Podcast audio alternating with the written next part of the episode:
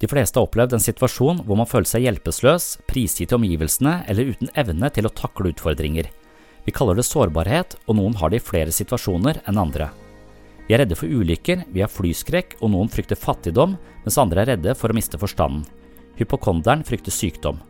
Engstelse kan handle om mange ting, og noen ganger er det forankret i en generell underliggende usikkerhet eller lav selvfølelse. Hvordan forstår og håndterer vi egentlig dette? Mye sårbarhet er som regel knytta til frykt, og det er ofte et resultat av oppvekst i et miljø med engstelige personer i nære omgivelser, eller mye utrygghet hjemme, i barnehagen eller på skolen. Utrygghet aktiverer hjernens fryktsentre, og når de aktiveres jevnlig, blir vår mentale energi bundet opp i en form for kronisk engstelse. Dersom vi lever livet på en slags eh, psykologisk grunnmur av usikkerhet, vil symptomene ofte kanaliseres inn i frykt for sykdom, økonomisk ruin eller naturkatastrofer. Hør mer om dette i episode 201 og 202 på min podkast Sinnssyn.